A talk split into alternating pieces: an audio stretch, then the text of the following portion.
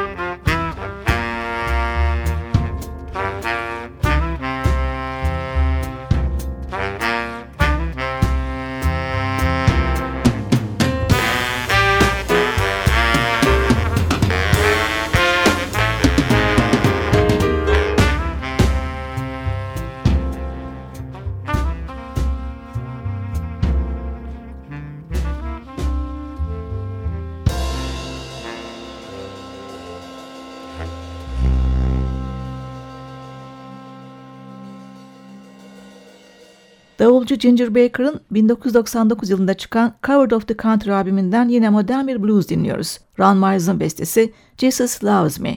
Bas klarnette James Carter, trompette Ron Miles, tenor saksafonda Fred Hess, gitarda Todd Ayers, piyanoda Eric Gunnison, basta Artie Moore'la seslendiriyor.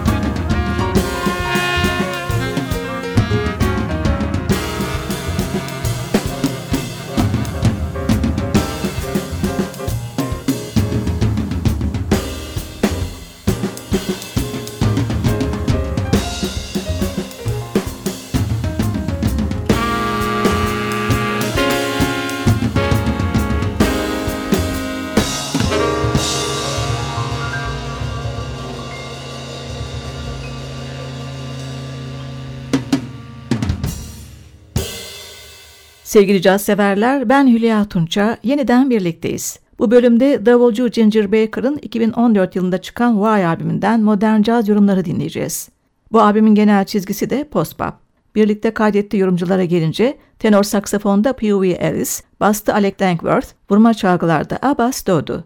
Çalacakları ilk parça Wayne Shorter'ın ünlü modal bluzu Footprints.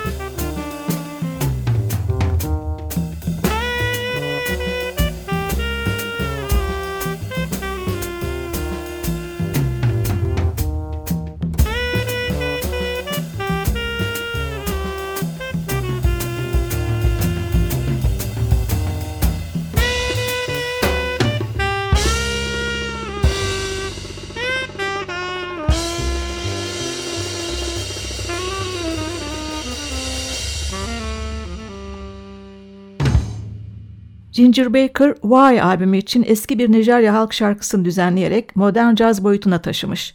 Tenor saksafonda Pee Wee Ellis, basta Alec Dankworth, davulda Baker, vurma çalgılarda uzun solosuyla Abbas doğdu ve işte Aiko Biahaye.